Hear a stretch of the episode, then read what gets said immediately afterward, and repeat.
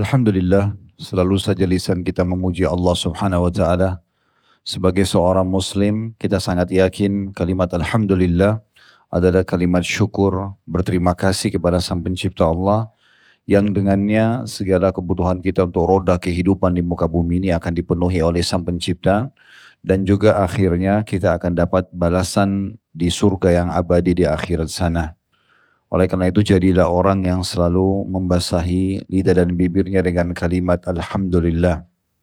Selanjutnya kita panjatkan salam hormat kita kepada utusan Allah Nabi besar Muhammad sallallahu alaihi wa alihi wa sahbihi wasallam sebagaimana Allah telah perintahkan kita untuk mengucapkan salam hormat tersebut dan tentunya sebagai balas jasa 23 tahun dari masa hidup beliau semuanya digunakan untuk agama ini 13 tahun fase Mekah semuanya dengan hinaan, cacian dan puncaknya diusir dari kampung halamannya Mekah.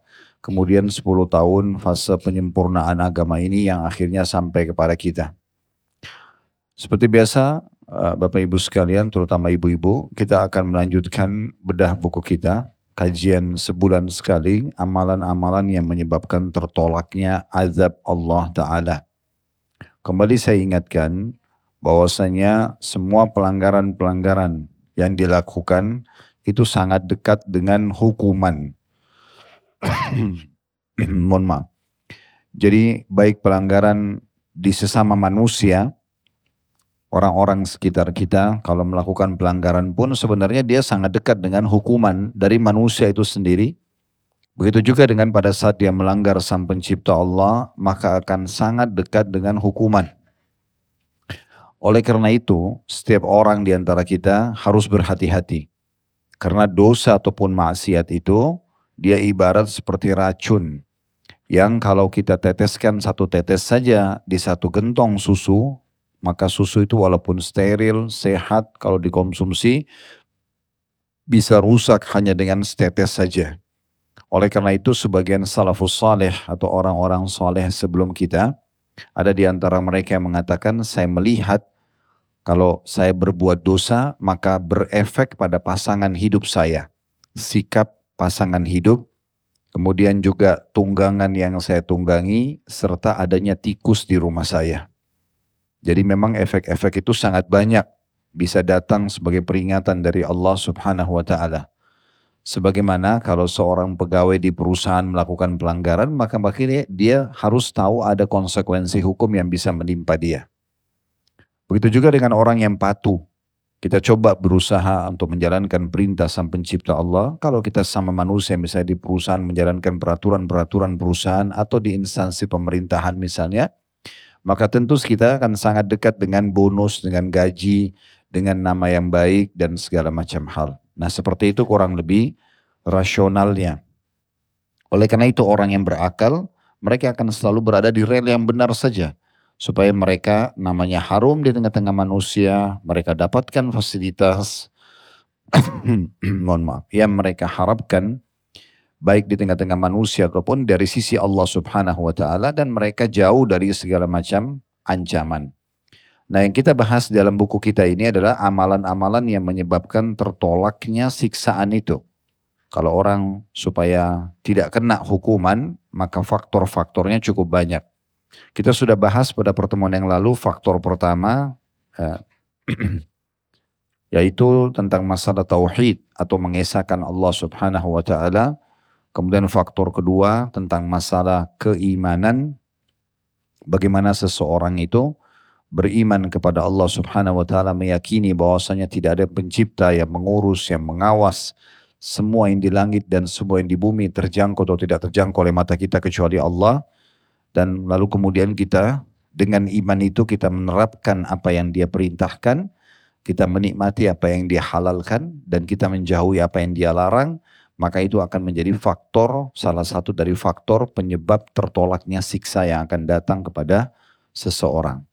Nah, pada kesempatan ini Bapak Ibu sekalian, kita akan masuk ke faktor ketiga yang menolak siksa itu datang.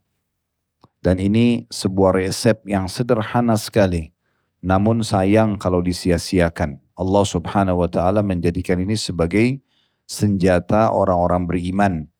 Dan apa yang akan kita bahas ini bisa menembus benteng musuh tanpa senjata fisik, bisa juga menembus hati manusia yang sudah keras sehingga menjadi lunak, ya, bisa mengubah semua jenis-jenis hal yang kita tidak inginkan dari kriminal, dari kejahatan orang lain kepada kita menjadi perbuatan-perbuatan yang baik, menyembuhkan penyakit kita, memenuhi kebutuhan kita, apa saja yang kita butuhkan, maka kita bisa raih dengan faktor ketiga ini itu adalah doa.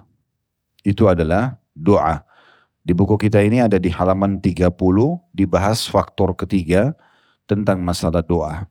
Kita akan mulai Bapak Ibu sekalian, doa itu adalah curhatan kepada Allah. Ungkapan semua apa yang kita inginkan, yang kita harapkan dari mendapatkan nikmat atau selamat dari gangguan-gangguan dan siksaan itu ada di doa.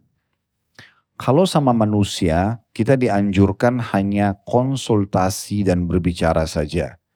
Tidak dianjurkan dalam Islam untuk curhat dengan manusia. Ya, kita konsultasi misal Bapak Ibu lagi sakit, kita konsul saja sama dokter. Makanya diistilahkan dengan konsultasi. Ya. Kalau kita datang ke dokter, dok kepala saya sakit sudah dua hari. Kira-kira apa obatnya? Maka terjadilah respon dari dokter mengatakan sudah berapa lama, apakah memang sepanjang hari dirasakan, apakah ada makanan tertentu yang dimakan, apakah kurang istirahat atau atau terjadilah konsultasi tersebut, akhirnya disimpulkan Anda butuh obat ini dan istirahat sekian lama misalnya. Itu konsultasi. Begitu juga dengan para ustadz dan ustazah. Kalau kita mau tanya tentang sebuah hukum, konsultasi saja. Ustaz, suami saya ucapin kalimat talak dalam kondisi dia sadar, tapi emosi. Apakah jatuh tolaknya misalnya? Atau tentang anak saya susah sekali disuruh sholat. Bagaimana caranya supaya saya bisa menasehatinya? Atau pendapatan suami saya kadang-kadang ada yang tidak jelas dari mana. Apakah itu halal untuk saya nikmati? Atau atau kita konsultasi. Tanya hukum, kemudian terima jawaban dari ustadz atau ustazahnya selesai. Itu namanya konsultasi. Itu sama manusia begitu. Dan tidak dianjurkan dalam Islam untuk curhat dengan manusia. Menyampaikan dan menuangkan semua permasalahan kita pada manusia. Itu tidak benar. Lalu ada yang tanya, ke mana Ustaz saya harus curhat kalau begitu? Kepada sang pencipta Allah. Harus semua curhatan kita hanya kepada satu sumber, yaitu Allah subhanahu wa ta'ala saja. Karena kalau kita sedang mendapatkan nikmat, yang ciptakan kita Allah, yang ciptakan nikmat itu Allah, yang bisa pertahankan hanya Allah. Kalau kita sedang hadapi masalah, yang ciptakan kita Allah, yang ciptakan permasalahan itu, penyakit atau yang lainnya adalah Allah yang bisa memberikan jalan keluar hanya Allah saja. Inilah yang dibahasakan oleh Nabi Shallallahu Alaihi Wasallam. Kalau kalian minta kepada Allah, mintalah maksimal. Berlebihan dalam minta dan curhat kepada Allah, karena yang sedang kalian seru adalah Tuhan yang maha mulia. Dan juga Aisyah berkata radhiyallahu anha, kalau kalian minta kepada Tuhan kalian, mintalah segala sesuatunya, manjalah padanya, sampai tali sendal kalian. Di masa dulu kebetulan orang-orang kalau pakai sendal, itu terbuat dari eh, kulit yang keras bagian pijakan kaki, sisanya diikat dengan tali sampai ke betis. Itu model sendal masa dulu. Maka mereka membahasakan dengan tali sendal. Kata Aisyah radhiyallahu anha umul mu'minin, mintalah kepada Tuhan kalian walaupun tali sendal kalian. Betul-betul kita tuangkan semua kepada Allah subhanahu wa ta'ala. Dalam riwayat-riwayat yang lain, mintalah kalian kepada Tuhan kalian apa saja selama itu bukan haram dan selalulah merengek manjalah padanya karena sesungguhnya Allah benci justru dengan orang yang tidak curhat atau tidak menyampaikan atau berdoa kepadanya. Ya, seorang penyair Arab mengatakan, jangan kau minta sama manusia. Maksudnya sekarang tuangkan semua permintaan sama manusia karena kalau kau minta dia akan marah. Sekali kita minta, dia mungkin beri dua kali, tiga kali, sepuluh kali dia akan mengatakan kenapa kau minta terus. Tapi mintalah kepada zat maksudnya Allah yang kalau kau tidak minta justru dia marah. Kalau ada orang yang tidak mau minta kepada Allah, tidak mau manja, tidak mau curhat, tidak mau mohon kepada Allah, maka ini justru Allah marah padanya. Makanya dalam sebuah hadis Nabi SAW bersabda dalam hadis riwayat Tirmidzi, "Man lam Allah yaghdab alaih." Siapa yang tidak minta kepada Allah justru Allah murka padanya. Yang tidak mau berdoa justru Allah murka. Poin penting juga dalam pembukaan kita masalah doa ini Bapak Ibu sekalian perlu digarisbawahi berdoa itu dalam kondisi minta agar nikmat Allah dipertahankan jauh lebih afdol lebih besar pahalanya dibandingkan kita sedang ada masalah lalu minta solusi. Maksudnya begini, kalau ibu lagi sehat, ibu lagi melimpah rezeki, ada harta, ada rumah, ada pasangan, ada anak, ada makanan, ada semuanya, badan juga sehat. Kadang-kadang orang di saat itu tidak mau berdoa. Kenapa? Karena mereka pikir semuanya sudah ada. Apa yang mau diminta? Fahami baik-baik, kita minta agar nikmat itu dipertahankan, minta agar kesehatan itu tetap bertahan, minta agar harta itu malah diberkahi, diberikan keberkahan tambahan, ya. Minta agar hidup kita yang sudah romantis, harmonis sama pasangan juga dipertahankan sama Allah. Itu jauh lebih afdal, lebih besar pahalanya dibandingkan nanti ada masalah minta solusi. Berarti dari apa yang saya sampaikan terakhir ini tadi, tidak ada alasan untuk tidak berdoa. Karena Justru kalau kita minta agar nikmat itu Allah pertahankan, lebih besar pahalanya. Dibandingkan nanti ada masalah baru kita minta solusinya. Oleh karena itu, Allah mengajarkan kita dalam syariatnya sebelum setiap aktivitas kita berdoa. Sebelum makan, berdoa. Sebelum tidur, berdoa. Sebelum keluar rumah, sebelum masuk kamar mandi, sebelum berpakaian, sebelum biologis, sebelum semuanya kita berdoa. Kenapa? Agar kita mohon kepada Allah agar nikmat itu diberkahi. Agar nikmat itu dipertahankan oleh Allah. Nanti kalau selesai baru kita bersyukur memuji Allah subhanahu wa ta'ala. Hati-hati Bapak Ibu sekalian, jangan dianggap remeh faktor ketiga ini dengan cara tidak mau berdoa. Karena ini bisa sampai pada tingkat dosa kepada Allah subhanahu wa ta'ala. Justru kalau tidak mau manja dan curhat kepada Allah subhanahu wa ta'ala. Mohon maaf. Jadi kita harusnya menjadikan doa ini betul-betul sajian harian kita. Bahkan kita lebih butuh doa daripada makanan yang kita mau makan kalau lapar, minuman yang kita minum kalau kita lagi haus, tempat tidur kalau kita ngantuk, obat kalau kita sakit. Sebelum pergi ke dokter, berdoa dulu sama Allah. Ya Allah, sembuhin penyakit saya. Nanti Allah akan datangkan cara kesembuhan ya dari sisinya. Tiba-tiba kita konsultasi sama seorang dokter cocok, resepnya cocok sembuh. Apakah dokter sama resep yang sembuhkan? Tentu saja bukan. Justru Allah subhanahu wa ta'ala yang mudahkan. Jangan sampai Bapak Ibu sekalian kita sakit lalu konsultasi sama dokter menjadi program nomor satu melupakan doanya. Sehingga nanti kalau sudah mentok, sudah 20-30 dokter yang diajak ngomong, konsultasi dan ternyata nggak sembuh-sembuh, barulah mereka sholat malam berdoa kepada Allah. Ini keliru. Kalau sholat malam di hari pertama, maka Allah akan mudahkan kesembuhannya. Allah akan mudahkan segala urusannya. Bahkan mintalah segala sesuatu walaupun itu hal kecil di mata kita.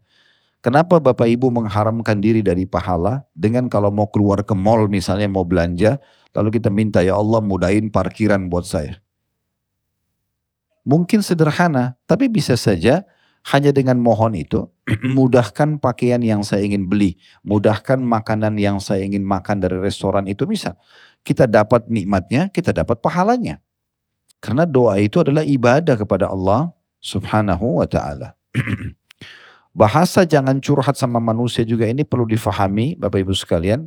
Kata sebagian ulama, kalau seandainya yang kita ajak ngomong ini, yang kita curhati, orang yang mencintai kita, seperti kedua orang tua kita misalnya, kita tuangkan nih kepada dia. Saya masalah begini, saya masalah begitu. Sebenarnya kita sedang membuat mereka sedih. Sebenarnya kita sedang membuat mereka sedih. Berapa banyak anak-anak yang tidak menyadari masalah ini mereka masuk ke bab durhaka dengan orang tua tanpa mereka sadari. Di saat ada masalah rumah tangganya, datang curhat. dia sampaikan ya kepada kedua orang tuanya, suami saya begini, istri saya begini, segala macam dituangkan, orang tuanya kepikiran. mau nggak mau karena mereka mencintai kita. Pada saat mereka kepikiran, dan ternyata si suami istri yang ribut tadi sudah baikan, mereka nggak datang menyampaikan ke orang tuanya lagi. Oh kami sudah baikan. Mereka tiba-tiba sudah baikan sementara orang tuanya terus kepikiran. Ini bisa masuk ke bab durhaka pada orang tua. Karena membuat mereka terbebani secara pikiran. Ya, makin kita tidak bebankan sama manusia makin bagus. Yakinlah Bapak Ibu sekalian, puncak doa seseorang hamba adalah bagaimana justru dia selalu melibatkan Tuhannya Allah Subhanahu wa taala dalam setiap keadaan dia. dia manja, dia merengek, dia mohon kepada Tuhannya maka itu akan sangat baik. Kalau yang kita sedang ajak bicara ini bukan orang yang mencintai kita, seperti misalnya teman baru kita kenalan, kita sudah curhat dengan dia. Sekarang dia tahu permasalahan kita. Maka ini setiap saat bisa menjadi musuh kita. Setiap saat dia bisa menjadikan apa yang kita tuangkan dan kita sampaikan kepada dia menjadi senjata. Karena dia sudah tahu kekurangan kita. Maka tidak ada manfaatnya untuk curhat dengan manusia. Karena tidak akan mendatangkan solusi. Kalau orang yang kita cintai kita hanya bebankan mereka. Kalau mereka tidak mencintai kita maka mereka punya senjata setiap saat bisa menyerang kita dan menjatuhkan kita dengan apa yang kita sampaikan itu. Oleh karena itu memahami doa ini penting sekali adalah bagaimana seseorang hamba itu manja, merengek, mohon kepada Tuhannya dan ingat meminta agar nikmat dipertahankan jauh lebih baik daripada musibah sedang datang lalu minta solusinya. Walaupun itu bisa saja kita minta. Walaupun itu bisa saja kita minta. Baik, kita akan uh, masuk ke syarat-syarat diterimanya doa. Sebelum kita baca apa yang ditulis di sini ya oleh penulis. Yang pertama harus ikhlas dulu, Bapak Ibu sekalian, karena Allah Subhanahu wa taala. Lawannya ikhlas, riya, pamer, ya, mau dipuji. Nah, kalau itu ada kita ikhlas. Kita tidak pernah berharap pujian dari orang, ya, mau pamer sama orang kalau kita rajin berdoa, maka secara otomatis masuk dalam syarat diterimanya yang pertama. Ya.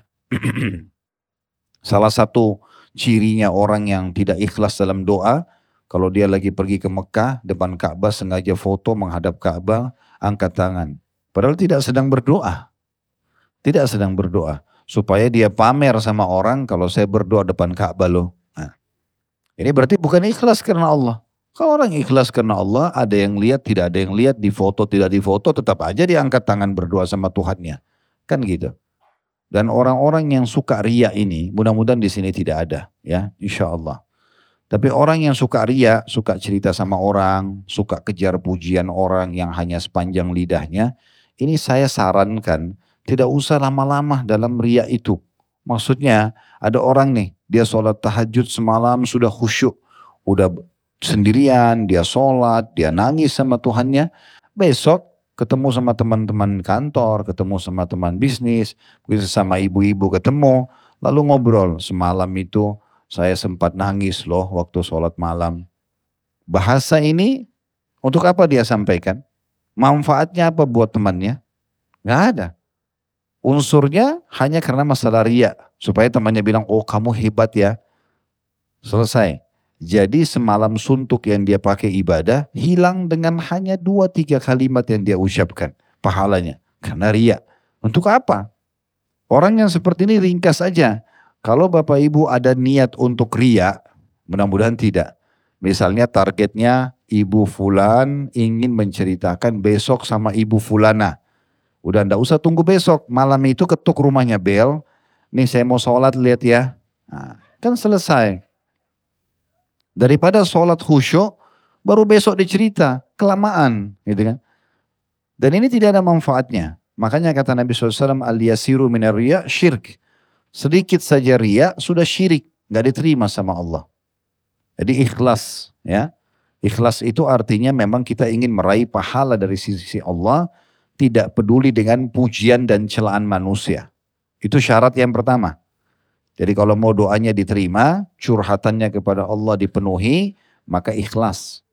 Kemudian yang kedua, tentu ikhlas ini berarti tidak pamer ya. Kalau kita harus berdoa di depan orang, Misal memang kita lagi tawaf, kita lagi berdoa. Ada orang yang dengar, itu nggak ada masalah. Memang di depan orang. Kalau ada yang tanya, ibu lagi berdoa ya? Iya, Alhamdulillah, mudah-mudahan diterima doa kita ya. Kalau ditanya, kita jawab. Ria itu lebih uh, jelas bagi orang yang tidak ditanya dia cerita. Ya. Tapi kalau kita ditanya, ibu kenapa? Ibu mau ke mana? Misalnya ibu tadi ke pengajian sini.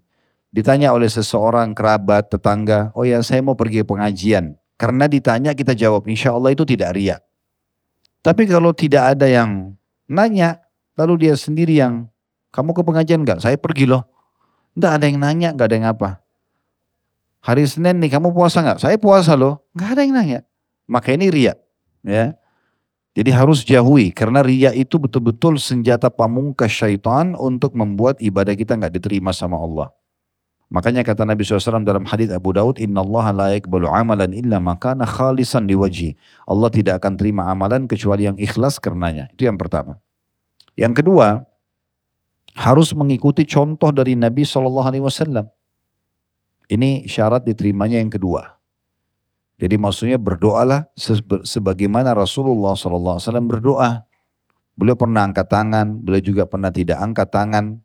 Kemudian cukup banyak sunnah-sunnah Nabi SAW seperti menggunakan dan memaksimalkan waktu-waktu mustajab antara azan dan iqamah, waktu diterimanya doa. Kemudian pada saat hujan turun, sepertiga malam, lagi musafir, lagi puasa, doa muslim untuk muslim yang lainnya. Boleh kita bilang sama kedua orang tua kalau masih hidup atau siapa saja yang kita kenal tolong doain saya ya. Apakah dia mau umroh haji atau tidak. Tetap saja kita minta supaya doain. Jangan lupa ya sebutin saya juga dalam doa kamu ya. Itu semua dibolehkan. Ya itu disunnahkan oleh Nabi alaihi salatu wassalam. Jadi kita mengikuti poin ini. Kemudian yang ketiga setelah ikhlas dan mengikuti Nabi SAW yang ketiga adalah tidak tergesa-gesa. Tidak tergesa-gesa. Maksudnya tidak tergesa-gesa dalam mengucapkan doa itu dan juga tidak tergesa-gesa menunggu jawabannya. Karena kata Nabi SAW, yustajabu li ahadikum malam ya'jal. Seseorang di antara kalian pasti diterima doanya selama dia tidak tergesa-gesa. Tergesa-gesa ada dua ya, dalam ucapan. Jadi jangan karena kita rutinitas berdoa, lalu kemudian seperti orang kumur-kumur saja. Tidak tahu apa yang dibaca. Ibu tenang. Rabbana atina fid dunya hasanah. Renungi maknanya. Ya Allah berikanlah aku semua yang terbaik di dunia. Wa fil akhirati hasanah. Dan semua yang terbaik di akhirat sana. Dari derajat yang tinggi, dari pengampunan, ya Kemudian wakina benar, selamatkan kami dari api neraka. Wadkhinnal jannata ma'al abrar, masukkan kami ke dalam surga bersama orang-orang yang patuh. Ya Azizu ya Ghaffar, wahai zat yang maha mulia dan maha pengampun ya Rabbal Alamin, wahai Tuhan alam semesta. Atau dalam bahasa Indonesia.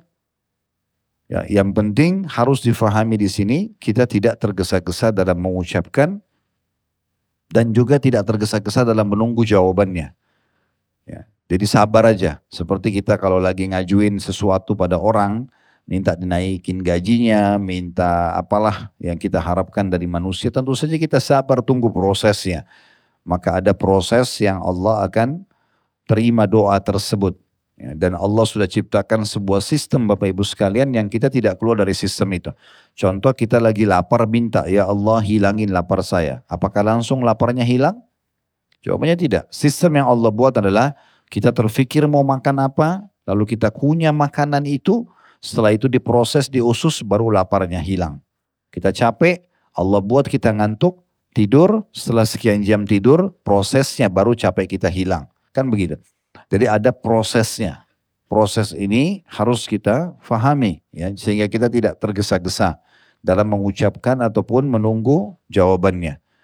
Perlu Bapak Ibu garis bawahi kalau Bapak Ibu berdoa dengan sepenuh hati kepada Allah.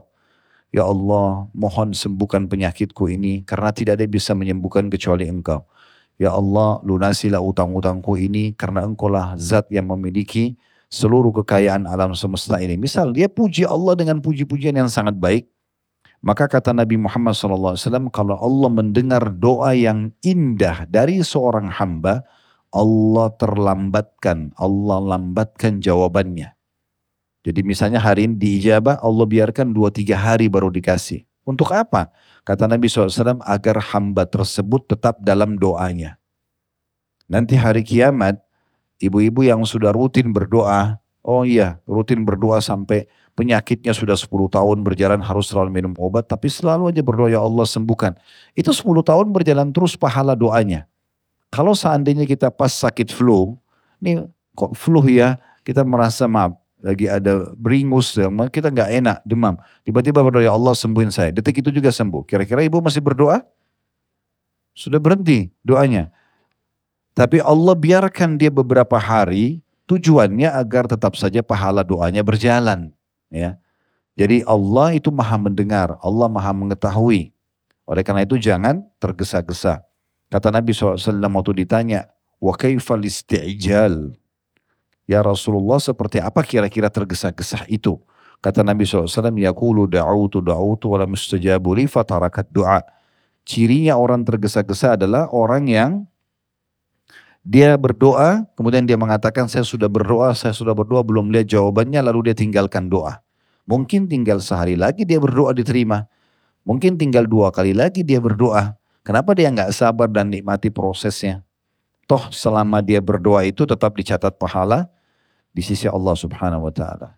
Jadi tidak boleh tergesa-gesa ini dua hal ya. Di poin ketiga, syarat ketiga, tidak tergesa-gesa dalam mengucapkan Kemudian juga tidak tergesa-gesa dalam menunggu jawabannya. Kata Nabi Muhammad SAW, tidak ada seorang muslim berdoa di muka bumi ini kecuali diijabah. Hanya melalui tiga proses. Salah satu dari tiga proses. Yang pertama diberikan langsung. Ya Allah sembuhin saya. Allah buat dia ketemu dokter yang cocok, konsultasi cocok, minum obat resep cocok, sembuh. Bisa Allah kasih kita. Ya Allah lunasin utang saya. Tiba-tiba ada yang datang memberikan dia uang atau dia dapat satu proyek atau apa, dia bisa membayar utangnya misalnya. Contoh.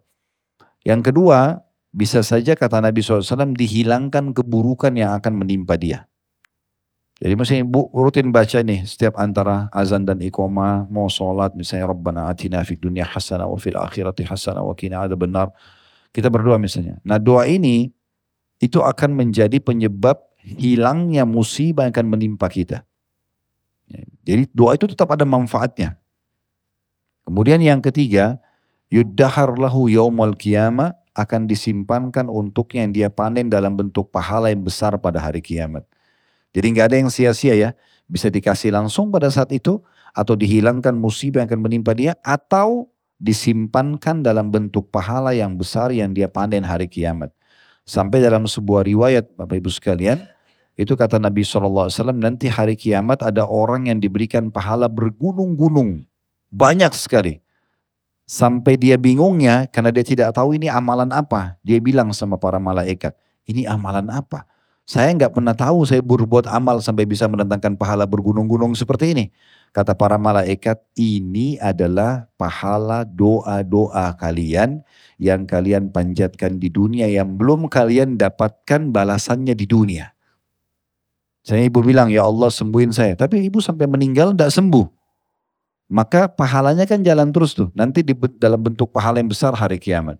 Gitu kan. Nah nanti kata Nabi SAW, orang-orang yang dapat pahala bergunung-gunung ini berharap di saat itu agar semua doa yang mereka panjatkan selama di dunia tidak dikasih di dunia. Biar mereka panen dalam bentuk pahala yang besar pada hari kiamat. Jadi nggak ada doa sia-sia. Dikasih langsung atau dihilangkan musibah yang akan menimpa dia atau Allah simpan yang dia dalam bentuk pahala yang dia panen nanti hari kiamat. Ini syarat yang ketiga ya, tidak tergesa-gesa. Syarat yang keempat, memulai doanya dengan memuji-muji Allah. Harus puji Allah dulu. Minimal sekali ibu bilang Alhamdulillah. Minimal. Ini dikaitkan dengan yang kelima sekaligus baca salawat kepada Nabi SAW. Ini wajib hukumnya. Minimal ibu bilang Alhamdulillah wassalatu wassalamu ala rasulillah. Segala puji dan puja kehadiran Allah juga salawat dan taslim kepada Nabi Muhammad SAW. Lalu baru ibu masuk ke doanya. Itu minimal. Makin banyak ibu puji Allah makin bagus. Misalnya ibu angkat tangan, Alhamdulillah segala puji dan puja untuk Allah. Ya Allah, Alhamdulillah atas nikmat umur yang kau berikan. Alhamdulillah atas nikmat makanan. Alhamdulillah atas nikmat minuman, pakaian, pasangan hidup, anak-anak, pekerjaan, apalah. Eh, semuanya kesehatan. Kita puji-puji Allah dengan apa yang Allah berikan kepada kita. Setelah puji Allah, baca salawat kepada Nabi SAW, baru masuk ke doanya.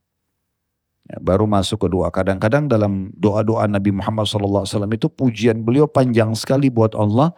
Terakhir doanya hanya minta agar Allah ampuni. Misalnya. Jadi ini hukumnya wajib. Mohon maaf. Jadi bukan bukan pilihan ini ya untuk memuji Allah poin keempat dan yang kelima baca salawat kepada Nabi Sallallahu Alaihi Wasallam. Kata Nabi Muhammad SAW, doa seseorang di antara kalian akan dihijab, tidak akan diterima sampai dia membaca salawat kepadaku. Sallallahu alaihi wasallam. Jadi kita harus membaca itu minimal tadi alhamdulillah wassalatu wassalamu ala rasulillah lalu kemudian setelah itu kita sampaikan apa yang kita inginkan, apa yang kita inginkan. Jadi ini syarat-syarat mutlak dari diterimanya doa Kemudian yang keenam tidak boleh minta yang haram. Tidak boleh meminta yang haram. Minta dikasih harta oleh Allah tapi untuk judi, untuk zina, untuk apa itu tidak boleh. Ya. Karena kata Nabi SAW, Inna Allah tayyibun la illa. Allah suci dan bersih, tidak terima kecuali yang suci dan bersih juga. Ya. Jadi minta yang baik-baik aja pada Allah. Ya. Minta yang baik-baik saja. Dan boleh tamak ya. Tamak, ini bisa masukkan di poin ketujuh, tamak terhadap rahmat Allah. Itu salah satu syarat doa. Maksudnya tamak tadi itu yang saya kasih contoh. Ibu lagi sehat, ibu minta, ya Allah tambahkan kesehatanku ini. Itu kan tamak namanya. Sudah dikasih masih minta, nggak apa-apa. Sama Allah boleh. Bahkan itu masuk dalam syarat doa. Boleh kita tamak dengan rahmat Allah subhanahu wa ta'ala. Makanya tadi kata Nabi SAW, kalau kalian minta kepada Allah, maksimalkan. Minta, nggak ada masalah. Selama ibu dan bapak bukan minta ya sesuatu yang bentrok dengan sunnatullah, peraturan Allah. Silakan minta.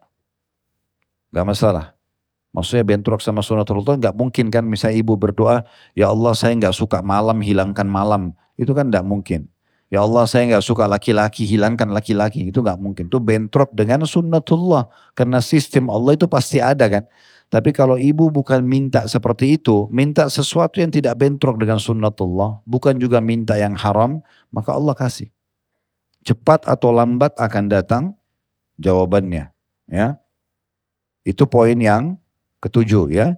Poin yang kedelapan, maksimalkan waktu-waktu mustajab. Nah ini yang tadi sudah kita singgung, tapi ini salah satu hal yang penting untuk diperhatikan ya.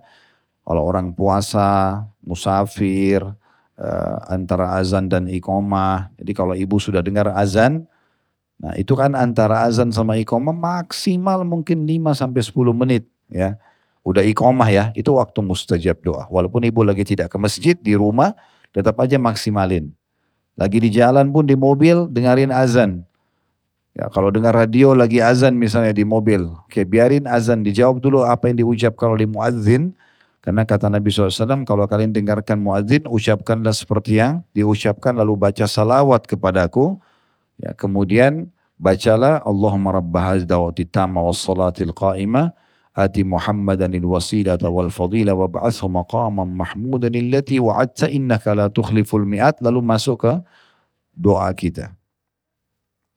Tentu kalau doa-doa hajat, ada hajat Bapak Ibu mau sampaikan, dimulai dengan Alhamdulillah wassalatu wassalamu ala rasulillah. Tapi kalau doa-doa itu bukan doa hajat, maka tidak perlu dimulai dengan Alhamdulillah wassalatu wassalamu ala rasulillah. Seperti misalnya ibu mau masuk kamar mandi. Allahumma inni a'udzubika minal khubuthi wal khaba'ith. Tidak usah kita bilang Alhamdulillah wassalatu wassalamu ala rasulillah. Mau makan baca bismillah, tidak usah kita bilang alhamdulillah wassalatu wassalamu rasul karena dia bukan doa hajat, ya.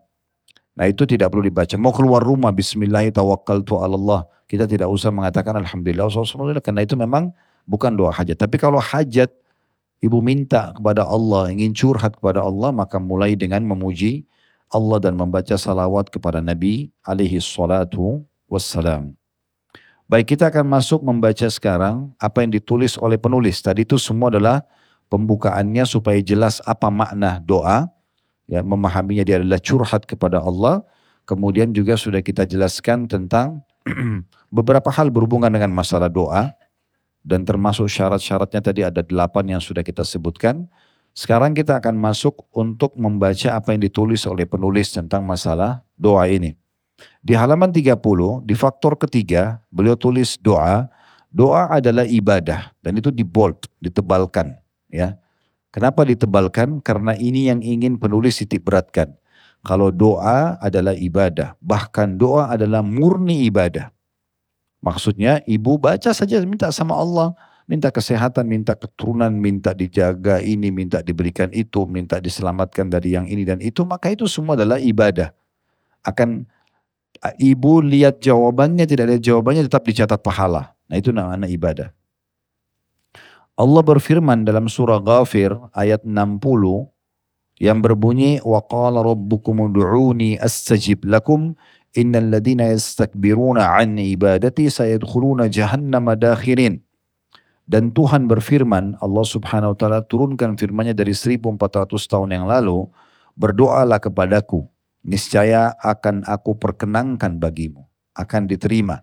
Tadi saya bilang bisa saja dikasih langsung atau dihilangkan musibah akan menimpa dia atau disimpankan dalam bentuk pahala yang dia panen hari kiamat. Begitu penyampaian Nabi SAW.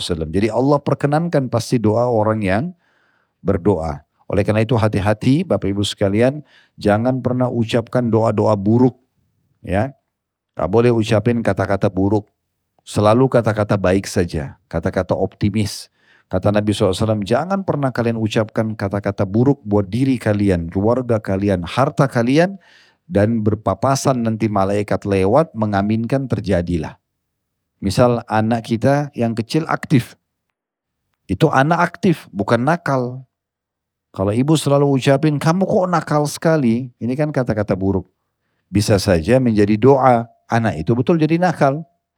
Atau ribut sama pasangan lalu bilang saya nyesal nikah sama kamu. Maka bisa jadi penyesalan. Gitu kan? Kenapa kita nggak balik dengan kata-kata yang baik misalnya. Walaupun anak kita sangat aktif kita mengatakan semoga Allah selalu jaga kamu di atas ketaatannya nak. Semoga kau tumbuh besar taat. Ya semoga kau bakti sama orang tua. Walaupun dia sebenarnya mungkin menjengkelkan buat kita dari sikapnya. Saya pernah sering saya sampaikan cerita ini ya. Saya sampaikan juga di sini Syekh Sudais, salah satu imam Masjid Haram Mekah. Beliau kan imam kalau saya bisa bahasakan paling senior dan paling lama menjadi imam di Masjid Haram Mekah ini beliau. Belum ada orang mungkin ya yang sepengetahuan saya, sebatas ilmu saya, menjadi imam Masjid Haram itu yang selama Syekh Sudais ini. Dan orang semua suka suaranya. Sampai sekarang kalau di malam-malam ganjil, di malam 21, 23, 25, 27, 29 di akhir Ramadan. Begitu juga pada saat imam-imam haram mengkhatam Al-Quran pas hari uh, juz ke-30 selesai, itu pasti yang berdoa Syekh Sudes. Jadi memang suaranya bagus, doanya kelihatan seperti dia sedang sama Tuhannya berdua, berdoa. Mau jutaan orang ikut di belakangnya, dia kayak tidak peduli dengan mereka. Sehingga doanya itu menyentuh sekali.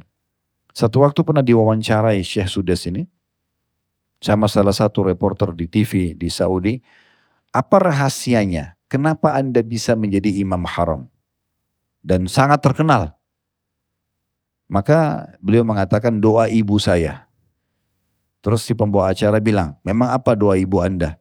Dia bilang, dulu saya waktu kecil kalau saya sangat aktif, biasanya orang bilang nakal, ibu saya walaupun lagi jengkel, Beliau selalu mengatakan, pergilah ke masjid haram, semoga kau jadi imam haram. Dalam kondisi anaknya aktif, yang biasa orang bilang nakal, dia nggak doain buruk. Dia masih mengatakan, pergilah ke masjid haram, semoga kau jadi imam haram. Jadi kita sejengkel apa pun, ucapkan yang baik. Misal ada suami kita menjengkelkan, ya Allah berikan hidayah, ya Allah berikan ini, ya Allah itu dan ini. Kalau Allah terima doa kita, Allah ijabah doa kita dan dia berubah, semenjak dia berubah kita panen pahalanya. Karena kita salah satu penyebab orang itu jadi baik. Sekarang saya ingin kasih gambaran contoh realita di masyarakat kita. Kalau seandainya ada orang menjengkelkan banget. Misal dia utang gak mau bayar, dia suka ganggu kita, ada dua pilihan doa. Yang mana kira-kira Bapak Ibu pilih? Doa yang pertama, kita minta supaya Allah hukum dia. Misal kita jengkel, ya Allah butakan matanya, ya Allah patahkan kakinya. Bisa orang jengkel dia berdoa begitu. Bisa nggak? Bisa. Itu opsi pertama. Opsi kedua, ibu doain supaya dapat hidayah. Ya Allah mudah-mudahan dia bayar utangnya. Ya Allah mudah-mudahan dia berubah dari orang jahat menjadi orang baik. Lalu Allah ijabah. Kira-kira mana yang lebih bagus? Benar. Yang biasanya yang mana? Ah, dari wajah-wajahnya kayaknya yang pertama ini. Ya. Kalau yang pertama itu hanya dendam saja. Ya Allah patahkan kakinya. Baik Allah ijabah karena kita terzalimi patah kakinya. Terus ibu dapat apa? Gak dapat apa-apa. Cuma Allah terima. Kalau kita terzalimi diterima gak doanya? Diterima. Tapi kalau kita doain dia binasa, dia celaka, oke okay, diterima. Habis itu dapat apa? Gak ada. Cuma dendam doang. Udah selesai Allah balasin. Udah habis itu gak ada apa-apa. Tapi kalau kita berdoa ya Allah berikan hidayah, Ya Allah berikan petunjuk, lunakkan hatinya. Lalu dia dapat hidayah. Dia bayar utangnya, dia berhenti ganggu kita, dia datang minta maaf. Semenjak itu kita panen pahala dia menjadi baik ke depan. Oleh karena itu, hati kita harus selalu dibersihkan. Ya, orang jahat pun itu selalu didoakan yang baik-baik saja. Supaya Allah kasih mereka petunjuk. Ini termasuk bagian daripada ayat yang sedang kita bahas. Jadi Allah perkenankan Ya, semua doa diijabah. Maka hati-hati jangan ucapkan kalimat-kalimat buruk. Ini saran saya saja. Bapak Ibu mulai hari ini jadikan rangkaian doanya begini. Ya Allah, aku memohon ampun kepadamu atas semua kata-kata buruk yang pernah aku ucapkan untuk diriku, keluargaku, dan hartaku. Kita berdoa begitu. Karena jangan sampai penyakit yang menimpa kita, ributnya rumah tangga yang terjadi, nakalnya anak-anak dan segala macam, mungkin kena lisan kita. Maka kita memohon ampun, ya Allah aku memohon ampun kepadamu dari semua kata-kata buruk yang pernah aku ucapkan buat diriku, keluargaku dan hartaku. Karena kalau itu betul penyebabnya maka akan diangkat sama Allah. Ya. Jangan heran setelah itu kalau misalnya tiba-tiba anak kita berubah jadi bakti, suami kita jadi baik, istri kita jadi baik dan seterusnya itu bisa saja terjadi. Tidak ada yang mustahil. Ya. Karena doa itu sangat ampuh sekali. Ya, sangat ampuh sekali. Sesungguhnya kata Allah, orang-orang yang sombong maksudnya tidak mau berdoa. Tidak mau menyembahku, maksudnya berdoa akan masuk neraka jahanam dalam keadaan hina dan dina. Ya, di sini berarti opsinya berdoa berpahala, kalau tidak mau berdoa berdosa. Ini kan luar biasa, berarti Allah memang mau kita manja, Allah mau kita mohon. Dan ingat saya ulangi lagi, ini yang ketiga kali saya ulangi. Memohon agar nikmat itu dipertahankan dan tamak dengan rahmat Allah bagian daripada doa itu sendiri. Jadi nggak usah tunggu sakit baru berdoa, enggak. Berdoa terus, setiap saat. Karena minta dipertahankan kesehatan jauh lebih afdol di sisi Allah SWT lebih besar dibandingkan sakit minta supaya dikasih kesembuhan. Jadi nggak ada alasan untuk tidak berdoa. Ya. Dan kata Nabi SAW, ini kalau saya tanya Bapak Ibu sekalian, mau nggak di saat kita lagi genting, lagi butuh, Allah ijabah doa kita? Mau nggak diijabah doanya? Saya kita lagi sakit, kita lagi ada masalah, diganggu orang, lalu kita dapat solusinya. Maka kata Nabi SAW, kenali Tuhanmu di saat kamu lapang, dia akan mengenali kau di saat kamu sedang susah. Jadi kalau mau diijabah doanya di saat kita genting, justru di saat kita sehat, lagi nggak ada masalah, rajin berdoa. Nanti di situ akan dibantu oleh Allah. Nah seperti itu. Jangan nanti kita malah rajin beribadah di saat ada masalah saja. Orang yang seperti ini biasanya setelah selesai masalahnya, penyakitnya sembuh, utangnya lunas, sudah berhenti berdoa. Karena memang dia bukan jadikan doa itu sebagai ibadah. Kemudian beliau mengangkat penulis ini di halaman 31 setelah firman Allah SWT surah Ghafir ayat 60 adalah sabda Rasulullah Sallallahu Alaihi Wasallam ad-du'a'u huwal ibadah ketahuilah doa itu adalah ibadah. Artinya kita lihat jawabannya, tidak lihat jawabannya tetap akan panen pahala pada hari kiamat nanti.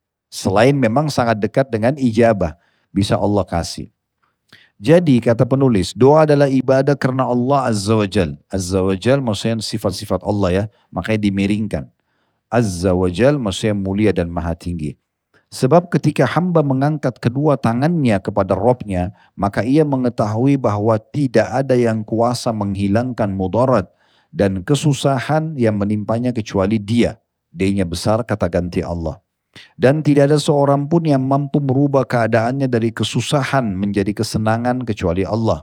Tadi saya bilang, kita kalau sehat, lagi banyak nikmat yang ciptakan kita Allah, yang ciptakan nikmat Allah yang bisa pertahankan hanya Allah. Kita kalau lagi ada musibah, masalah, maka yang ciptakan kita Allah, yang ciptakan musibah itu Allah yang bisa memberikan jalan keluar hanya Allah. Maka beruntunglah hamba yang faham tentang poin ini. Kemudian dikatakan, dan tidak ada seorang pun yang mampu merubah keadaan dari kesusahan menjadi kesenangan kecuali Allah. Dengan demikian, doa adalah ketundukan di hadapan Sang Pencipta dan munajat kepada Allah. Doa adalah seruan dari hamba kepada Robnya, curhatannya kepada Tuhannya, agar memberikan inayah kepadanya, maksudnya pertolongan. Ia memohon pertolongan kepadanya, N-nya besar kata ganti Allah, kepadanya ya, dan memohon pertolongan dan taufik darinya. Hakikat doa adalah menampakkan kebutuhan kepada Allah Ta'ala dan berlepas diri dari daya dan kekuatan. Betul-betul kita justru tidak menunjukkan kemampuan kita, tapi kita curhat kepada Allah, minta agar Allah yang mudahkan. Minta agar Allah yang mudahkan. Ya. Sebagian salafus salih, ya sebagian ulama-ulama orang-orang saleh sebelum kita itu saking manjanya sama Allah, sampai mau makan aja, mereka masih mohon kepada Allah, ya Allah mudahkan makanan ini untuk saya nikmati. Ya. Jadikan berkah buat saya, gitu kan. Jangan hilangkan nikmat ini tapi tambahkan. Padahal mau makan. Orang kan bisa sedang tinggal baca bismillah masuk dengan tangan kanan selesai. Tapi mereka tunggangi lagi itu untuk menjadi sumber doa mereka. Jadi selalu berdoa. Doa adalah tanda peribadatan. Karena itu Nabi SAW mengatakan doa adalah ibadah. Merasa butuh mengandung pujian kepada Allah Ta'ala dan menisbatkan kemurahan kepadanya. Ada yang mengatakan doa adalah kunci kebutuhan itu sendiri. Ya, ada satu ulama di Mekah dulu, tabi'in namanya Sofyan al-Thawri. Kalau Bapak Ibu searching di Google Sofyan Ats-Tsauri banyak sekali kisah beliau karena ini orang soleh banget. Tapi salah satu julukan beliau adalah Sajjad. Sajjad itu orang yang suka sekali kalau sujud. Ya, dia kalau sujud kepada Allah tidak angkat kepalanya kecuali semua sudah dituangkan kepada Allah. Itu ciri khasnya dia. Ya, sampai dahinya hitam. Dia kena selalu sujud. Kalau dia sujud dia tidak angkat kepalanya. Sampai salah satu temannya pernah menceritakan, saya pernah tawaf di Ka'bah karena mereka tinggal di Mekah. Saya pernah tawaf di Ka'bah. Sementara Sufyan dan sedang sujud di sujud pertama di rakaat pertama. Kemudian saya tawaf satu, dua, tiga, sampai tujuh kali tawaf. Itu Sufyan dan Thawri masih di sujud pertama di rakaat pertama. Dia belum angkat kepalanya. Dia tuangkan semua hajatnya kepada Tuhannya. Dan subhanallah ini mungkin pernah kita lalui ya pada saat kita mohon kepada Allah. Coba kita nikmatin, nangis, curhat kepada Allah itu kayak ada yang plong dalam hati walaupun sebenarnya kita mungkin belum lihat solusi dari masalah kita. Sebenarnya itu sudah sudah ada jalan keluarnya. Tinggal kita continue aja, rutinkan aja. Selesai akan ada solusi. Karena orang kalau minta kepada Tuhannya itulah sumber yang paling benar. Makanya saya bilang tadi jangan jadikan Allah sebagai nomor ke-30. Ya dokter, dokter, dokter terus. Setelah itu mentok baru sholat tahajud, baru berdoa. Ini sayang banget. Kenapa nggak dari awal sholat malamnya? Nanti Allah akan mudahkan urusannya selesai. Selanjutnya kata penulis doa itu memiliki keistimewaan. Di antaranya bahwa doa adalah ibadah. Artinya dicatat pahala di sisi Allah. Keikhlasan. Tadi kena syaratnya harus ikhlas. Puji-pujian. Memuji Tuhan Allah. Karena tadi syaratnya juga harus memuji Allah. Syukur. Kita bersyukur berterima kasih pada Allah dan mohon pertolongan kalau lagi ada masalah. Allah telah menjelaskan bahwa seandainya bukan karena doa, niscaya beberapa kaum telah dibinasakan. Tetapi Allah subhanahu wa ta'ala menyelamatkan mereka disebabkan karena doa mereka. Jadi sebagian tokoh-tokoh Mekah, Bapak Ibu sekalian tokoh Quraisy dulu, mereka sebenarnya kufur kepada Allah. Tetapi karena mereka yakin Ka'bah itu rumahnya Allah, mereka juga kalau tawaf masih masih minta sama Allah. Ya, minta sama Allah agar dimaafkan kesalahannya, agar diberikan keturunannya. Tapi mereka syirik. Mereka masih datangkan patung-patung sebagai sekutunya Allah. Maka karena itu mereka dianggap kufur. Tapi karena mereka masih berdoa, maka doa itu yang membuat bisa menahan siksa Allah maksimal datang kepada mereka. Padahal mereka dalam kondisi kafir. Apalagi kalau dasarnya kita muslim. Allah sebutkan dalam surah Al-Furqan ayat 77, "Qul ma ya'basau qul ma ya'bau bikum rabbi laula du'aakum" atau du'aukum. Saya ulangi, "Qul ma ya'bau bikum rabbi laula du'aukum." Katakan hai Muhammad kepada orang-orang musyrik Mekah itu, Tuhanku tidak akan mengindahkan kamu kalau tidak karena doamu. Maksudnya kalian tidak akan dikasih kesehatan dan dikasih segala macam kalau kalian tidak berdoa. Walaupun kalian dalam keadaan kafir. Apalagi kalau dasarnya orang itu beriman. Maknanya, kata penulis, kalau tidak karena doa kalian kepadanya, n besar kata ganti Allah. Kepada Allah semata, tak kalah menghadapi kesusahan dan kesulitan, maka niscaya kalian telah binasa. Allah Ta'ala mengabulkan ketika seorang berdoa kepadanya dengan tulus, walaupun ia seorang kafir. Sebagaimana Allah sebutkan dalam surah Al-Ankabut ayat 65. Orang kafir pun kalau dia mohon kepada Allah, Allah masih bisa terima. Kalau dalam kondisi mereka kafir, apalagi kalau muslim. Ya. Tapi tentu di sini permintaan mereka adalah permintaan yang bersifat kebutuhan mereka ya. Itu yang diterima sama Allah. Kalau orang kafir mendoakan binasanya orang muslim itu tidak bisa diterima. Tidak diterima. Tapi kalau mereka minta makan, mereka minta minum, mereka minta kesembuhan, Allah bisa terima. Tapi yang penting mereka minta kepada Allah. Walaupun orang kafir, apalagi orang muslim, kan gitu. Tapi kalau mereka minta agar Allah binasakan kita orang muslim itu tidak bisa. Karena pernah satu kali dalam hadis Bukhari, Nabi Muhammad SAW sedang jalan bersama istrinya Aisyah radhiyallahu anha. Kemudian ada beberapa pendeta Yahudi lewat lalu mengatakan Assalamu alaikum. Assam, bukan assalam. Assam artinya kematian. Jadi orang-orang Yahudi doakan keburukan buat Nabi SAW. Assalamualaikum. Dia, mereka pikir Nabi gak dengar. Maka Aisyah marah radhiyallahu anha mengatakan semoga kematian buat kalian. Aisyah marah kepada orang-orang Yahudi. Kata Nabi SAW, wahai Aisyah tenanglah. Kata Aisyah, ya Rasulullah, tidakkah anda dengar apa yang saya, apa yang mereka ucapkan? Mereka bilang assam, bukan bilang assalam. Maka Nabi SAW menjawab, wa'alaikum, dan untuk kalian. Kata Nabi SAW, tidakkah, tidakkah engkau telah mendengar ucapan doaku, balasanku? Ketahuilah doa kita kepada Allah untuk mereka diterima, doa mereka kepada Allah untuk kita tidak diterima. Maksudnya kalau mereka minta kita dibinasakan, Allah tidak terima. Tapi kalau orang-orang kafir ini hanya minta hajat-hajatnya pribadi, Allah masih kasih. Ya, sebagai bentuk kasih sayang Allah kepada makhluknya secara umum.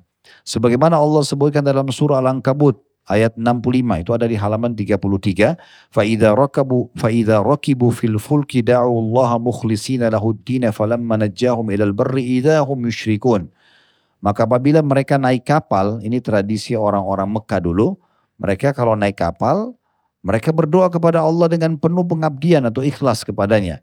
Tapi ketika Allah menyelamatkan mereka ke darat maka mereka kembali mempersekutukan Allah. Ya, pernah dengar Ikrimah bin Abi Jahal.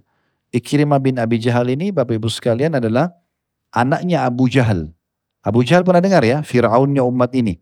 Orang yang paling benci dengan Islam meninggal dalam keadaan kafir di perang Badr. Tapi anaknya bernama Ikrimah. Ikrimah ini waktu uh, semasa hidup sama ayahnya suka sekali perangi Islam. Sampai Nabi SAW taklukin kota Mekah, maka Ikrimah ini melarikan diri dari Mekah karena nggak mau masuk Islam. Subhanallah, Allah kasih dia hidayah, Ikrimah ini radhiyallahu anhu nanti masuk Islam dan mati syahid dalam Islam. Dia pergi ke Jeddah, yang sekarang orang sering, sering turun pesawat di Jeddah gitu ya. Zaman dulu sudah ada pelabuhan dan sampai sekarang ada pelabuhan. Dia pergi ke sana, dia ingin naik kapal menyelamatkan diri ke Afrika karena nggak mau masuk Islam. Waktu dia naik kapal, mau menyeberang Laut Merah, pergi ke Afrika, subhanallah di tengah lautan kapal mereka dihantam oleh ombak Mayoritas yang ada di kapal itu orang-orang musyrik semua. Semua bawa Tuhan-Tuhan mereka, patung. Mereka pegang, mereka anggap patung, itu Tuhan. Maka pada saat itu kata Ikrimah, saya melihat kapal dihantam oleh ombak yang keras. Mereka semua pada minta-minta pada patungnya. panggil Tuhannya, Lat, Uzza, nama-nama Tuhan mereka waktu itu. Dan ombak makin menghantam kapal kami. Karena mereka lihat tidak ada lagi jalan lain, mereka membuang patung-patung mereka. Lalu mereka mengangkat tangan mereka ke langit sambil mengatakan, Ya Allah selamatkan kami. Setelah itu ombaknya hilang. Kata Ikrimah, inilah yang selama ini Muhammad dakwahkan. Melarang kita minta dari berhala, minta langsung kepada Allah. Maka dia pulang ke Mekah, dia masuk Islam gara-gara itu. Jadi sebenarnya orang-orang musyrik itu mereka tahu dalam kondisi mereka kepepet, mereka hanya minta kepada Allah baru diijabah. Kalau minta kepada patung-patung mereka tidak akan pernah ada jawaban dari permintaan tersebut. Jadi bersyukur Bapak Ibu sekalian kalau kita mau tergerak hati kita diisi dengan keimanan untuk berdoa kepada Allah. Karena ini sebuah tanda keimanan. Banyak orang karena tidak kenal Tuhan Allah, mereka minta-minta sama yang mereka anggap Tuhan. Ya, ini sering saya sampaikan juga di pengajian, saya ingatkan juga di sini. Saya pernah lihat cuplikan salah satu anak muda Saudi, dia YouTuber, dia buat channel khusus untuk mencari sesembahan atau tempat-tempat yang disembah selain Allah. Dia pergi ke India, itu ada satu kuil dikenal dengan kuil tikus. Ya, di situ orang-orang menyembah tikus. Itu sangat unik. Saya lihat cuplikannya sampai akhir tuh luar biasa. Bahkan berbayar masuk ke situ. Tikus banyak sekali. Dan mereka datang bawa susu, bawa makanan buat tikus-tikus itu. Lalu setiap tikus lewat mereka berdoa. Ya kata dia maha suci Allah yang telah memberikan kita petunjuk supaya kita tahu siapa Tuhan kita dan bagaimana beribadah kepadanya. Tikus, ya, bahkan dalam Islam dianjurkan tikus itu untuk dibunuh gitu kan dibolehkan untuk dibunuh. Salah satu hewan boleh dibunuh adalah selain ular, tikus, burung gagak, ya burung e, raja wali, kemudian kalajengking, cecak, itu kan. Nah itu semua masuk dalam masalah ini. Tapi mereka sembah karena mereka tidak punya panduan. Kita syukur punya panduan, diperkenalkan dan dimanjakan sebagai seorang muslim. Ada Tuhan kalian namanya Allah. Allah itu Esa loh, pencipta alam semesta. Ini kitabnya turun Al-Quran tinggal ikuti. Ini adalah utusannya Nabi Muhammad SAW punya sunnah-sunnah tinggal diikuti. Selesai kalian akan selamat. Kan sederhana begitu. Selanjutnya kata penulis setelah menukil surah Al-Ankabut ayat 65. Allah Ta'ala mengabulkan doa mereka. Maksudnya orang-orang kafir itu. Pada saat mereka minta diselamatkan dari hantaman kapal di lautan. Ketika mereka berdoa kepadanya, N-nya besar kata ganti Allah, dikala kesusahan. Barang siapa ikhlas karena Allah dalam berdoa kepadanya, maka dia Allah mengabulkan doanya, terutama pada saat kesusahan dan kesulitan. Tapi orang kafir mendapatkan manfaat dari doanya kepada Rabbnya di dunia saja. Adapun orang mukmin maka ia mendapatkan manfaat dari doanya di dunia dan juga akan diberi pahala di akhirat. Nah itu bedanya antara kita sama orang kafir. Orang kafir hanya sebatas di dunia. Kalau kita di dunia dikasih, di akhirat juga akan dapat balasannya. Juga dia akan bertambah dekat dari Allah dan dicintainya. Maksudnya dengan doa dia akan makin dekat dengan Tuhannya Allah. Sungguh Allah subhanahu wa ta'ala meminta kepada para hambanya supaya berdoa kepadanya agar dia Allah menghilangkan kesusahan yang menimpa mereka. Sebagaimana Allah jelaskan dalam surah Ghafir ayat 60. Tadi yang kita bacakan ini penulis ulangi lagi ya. Wa qala rabbukum ud'uni astajib lakum innal ladzina yastakbiruna an ibadati jahannam dakhirin. Dan Tuhanmu berfirman, Hai Muhammad, berdoalah kepadaku. Niscaya akan aku perkenankan bagimu. Sesungguhnya orang-orang yang sombong, tidak mau berdoa, tidak mau curhat kepada Allah, tidak mau menyembahku atau berdoa kepadaku akan masuk ke neraka, masuk neraka jahanam dalam keadaan hina dina. Dia Allah berjanji mengabulkan doa sesudah berdoa dan dia Allah tidak akan menyelisihi janjinya. Lebih khusus lagi jika doa itu disebabkan kesusah, kesusahan yang menimpa kaum muslimin, maka dia mengabulkan doa mereka. Sebagaimana Allah berfirman dalam surah Al-An'am ayat 43. Falaula idja'ahum ba'suna tadarra'u walakin qasat qulubuhum.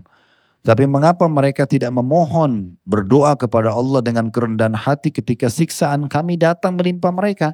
Sakit, masalah-masalah yang sedang dihadapi. Kenapa justru tidak minta doa pada saat itu? Sementara Allah janji akan diijabah. Bahkan hati mereka telah menjadi keras. Kalau orang-orang kafir mereka ada masalah larinya ke diskotik, larinya ke bar, larinya ke mabuk. Ya sudah begitu. Kalau kita tidak seperti itu.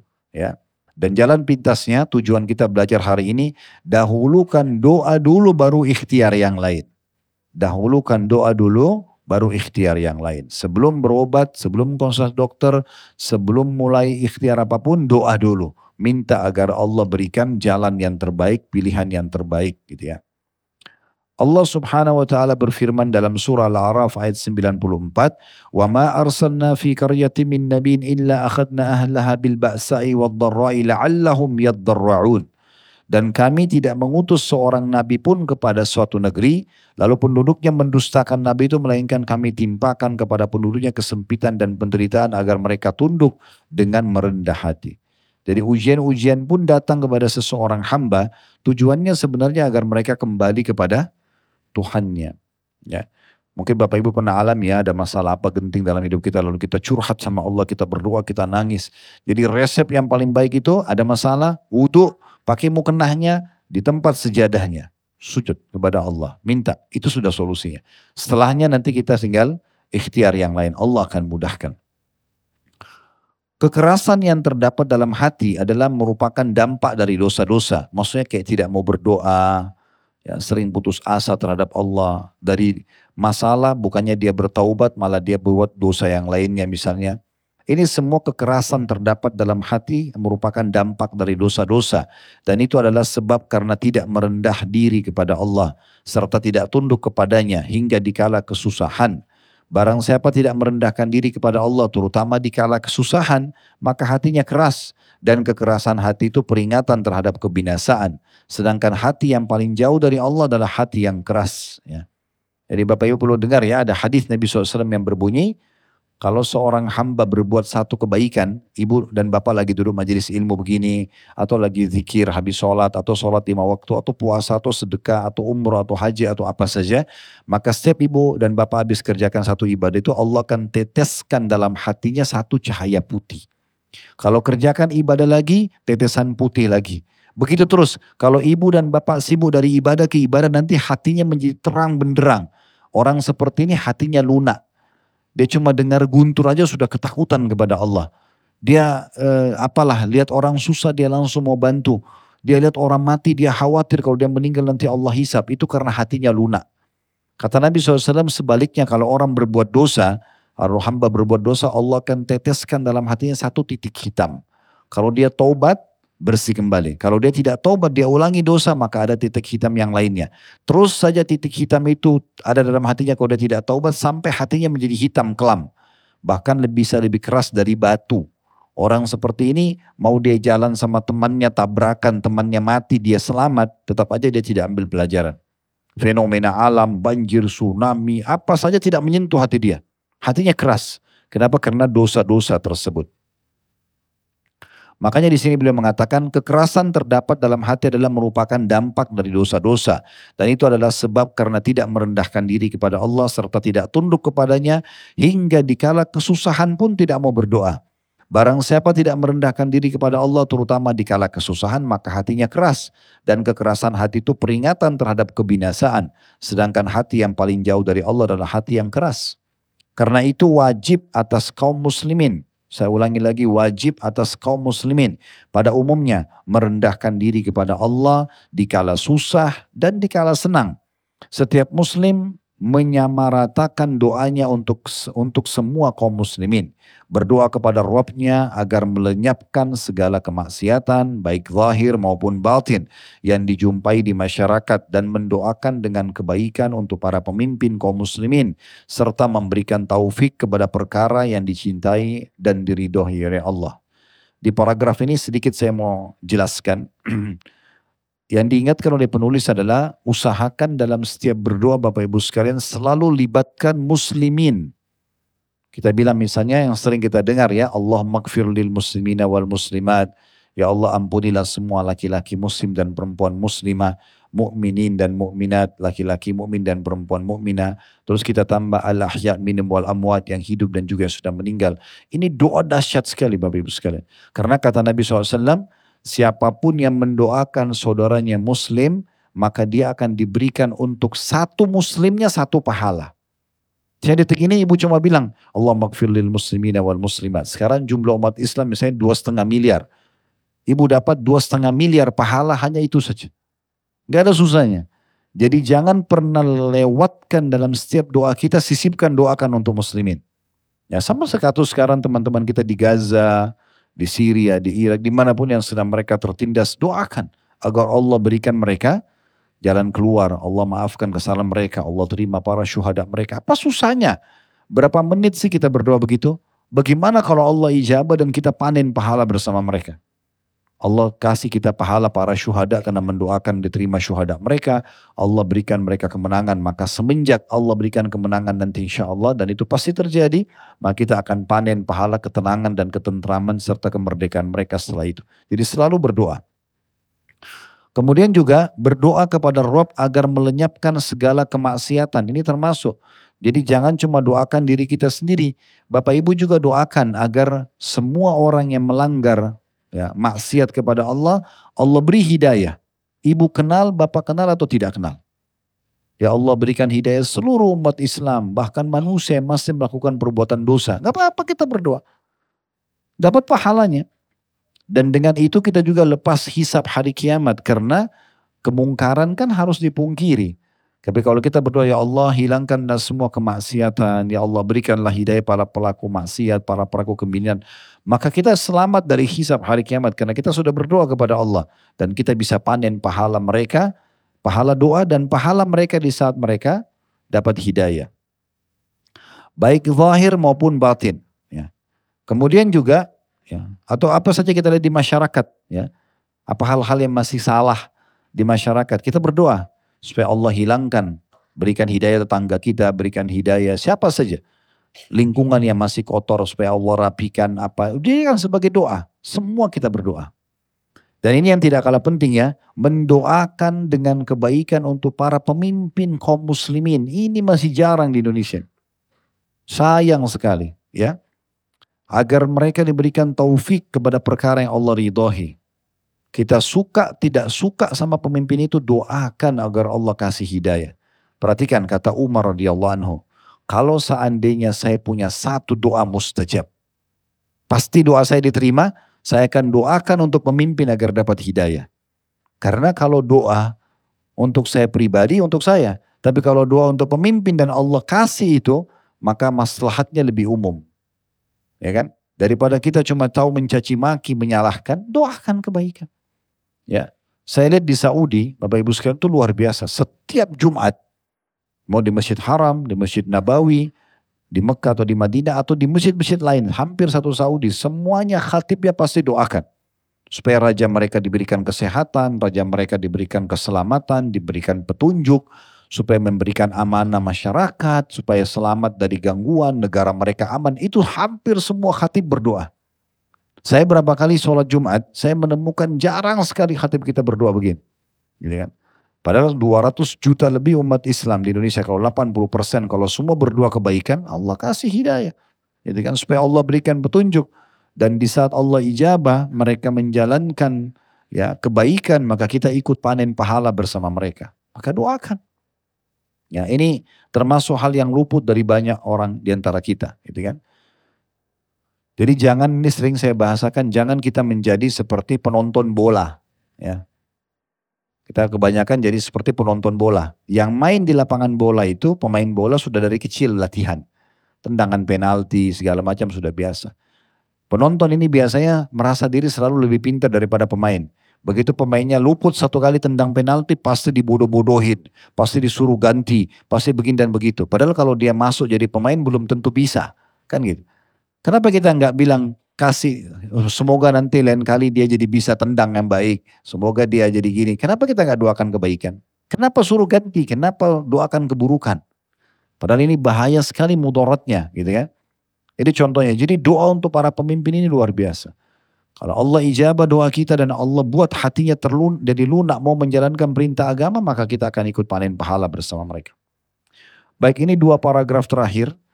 Kata penulis sudah cukup untuk menunjukkan keutamaan doa bahwa tak Allah subhanahu wa ta'ala hendak membinasakan kaum Yunus, Nabi Yunus AS. Maka mereka bersungguh-sungguh berdoa kepada Allah. Dan Allah pun menghindarkan azab dari mereka. Setelah sebab-sebabnya sudah ada dan tanda-tandanya tampak jelas. Sebagaimana dalam surah Yunus. Jadi ini saya ceritakan ya. E, cukup banyak umat-umat sebelum kita yang Allah binasakan. Pernah dengar kaum Samud?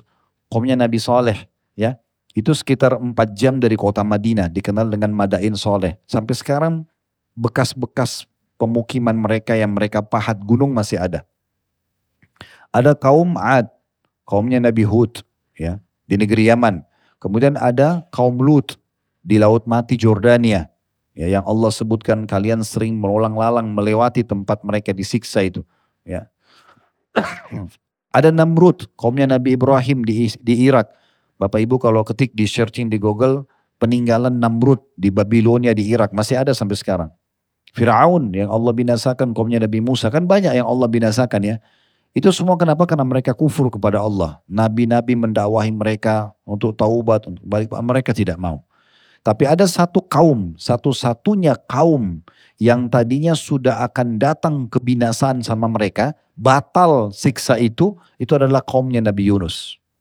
Ya, jadi Nabi Yunus ini Nabi yang datang dari luar Nainawa. Nama kotanya Nainawa. Di Irak dulu ya. Biasanya di, sebelum Nabi Muhammad SAW, Bapak Ibu sekalian, Allah utus Nabi itu bisa dari suku situ, kayak orang Indonesia, diutus dari orang Indonesia, nabinya misalnya. Bisa juga dari orang luar. Nah Nabi Yunus ini kebetulan dari luar Nainawa. Orang penduduk negeri Nainawa ini di atas 100 ribu orang di masa itu cukup besar.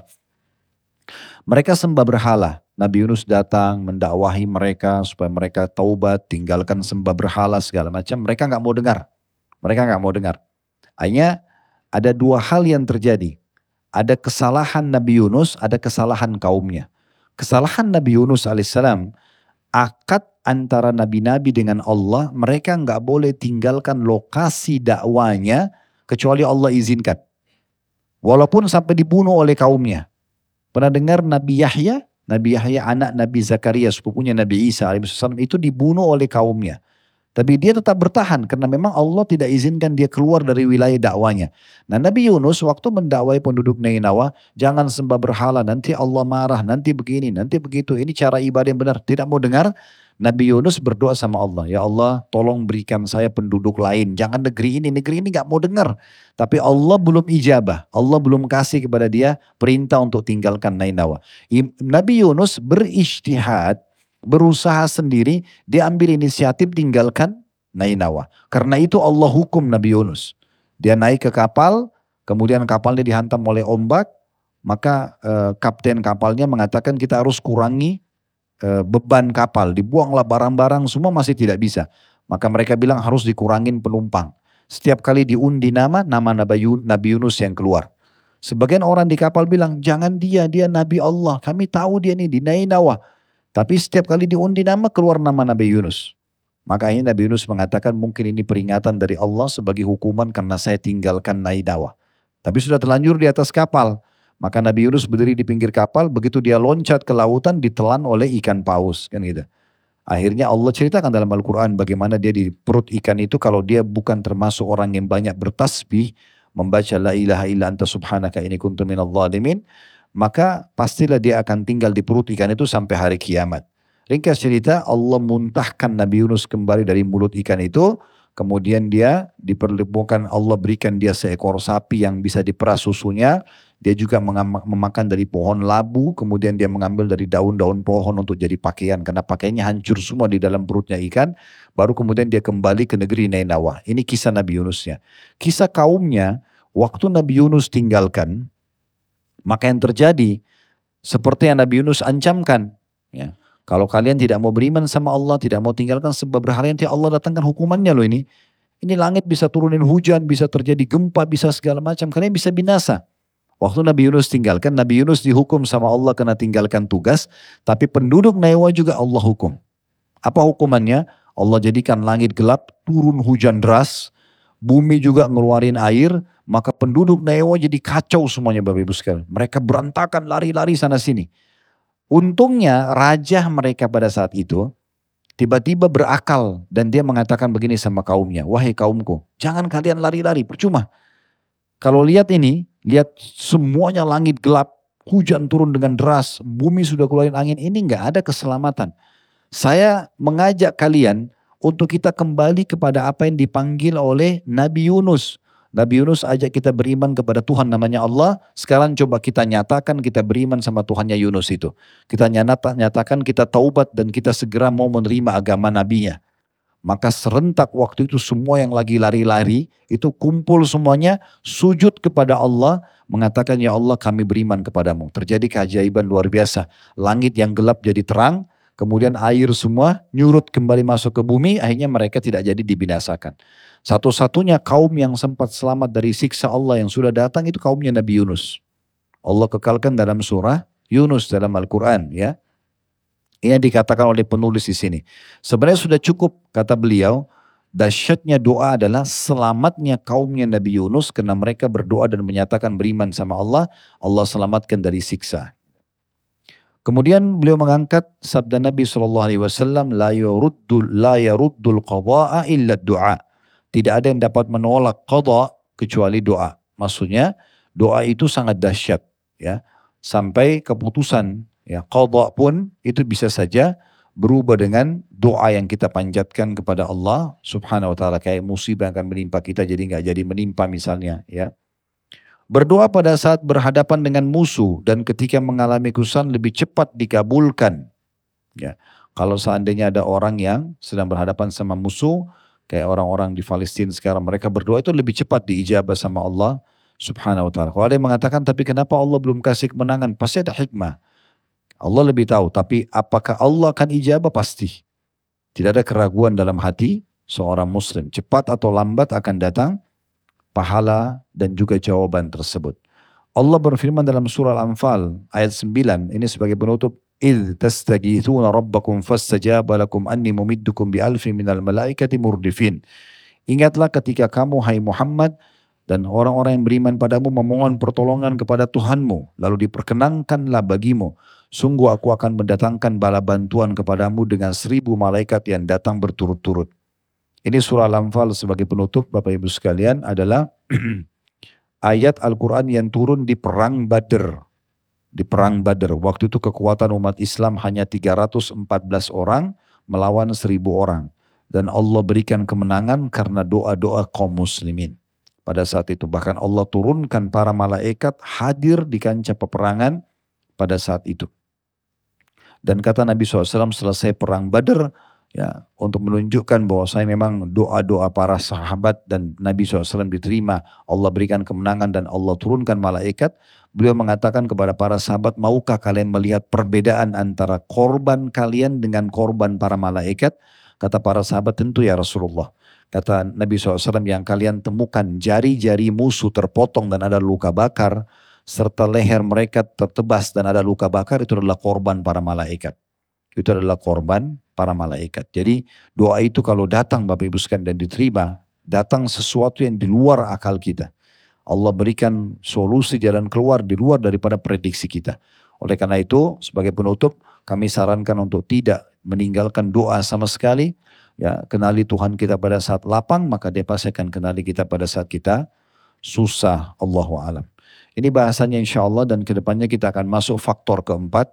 Masalah istighfar atau memohon ampun kepada Allah subhanahu wa ta'ala akan panjang lebar kita jelaskan insya Allah pada pertemuan akan datang nanti. Semoga Allah subhanahu wa ta'ala menyembuhkan penyakit orang yang sedang sakit, dilunasi utang yang terlilit utang, yang sedang punya masalah diangkat permasalahannya, dan semoga Allah Subhanahu wa taala selalu menjaga kemerdekaan, persatuan dan kesatuan negara kita.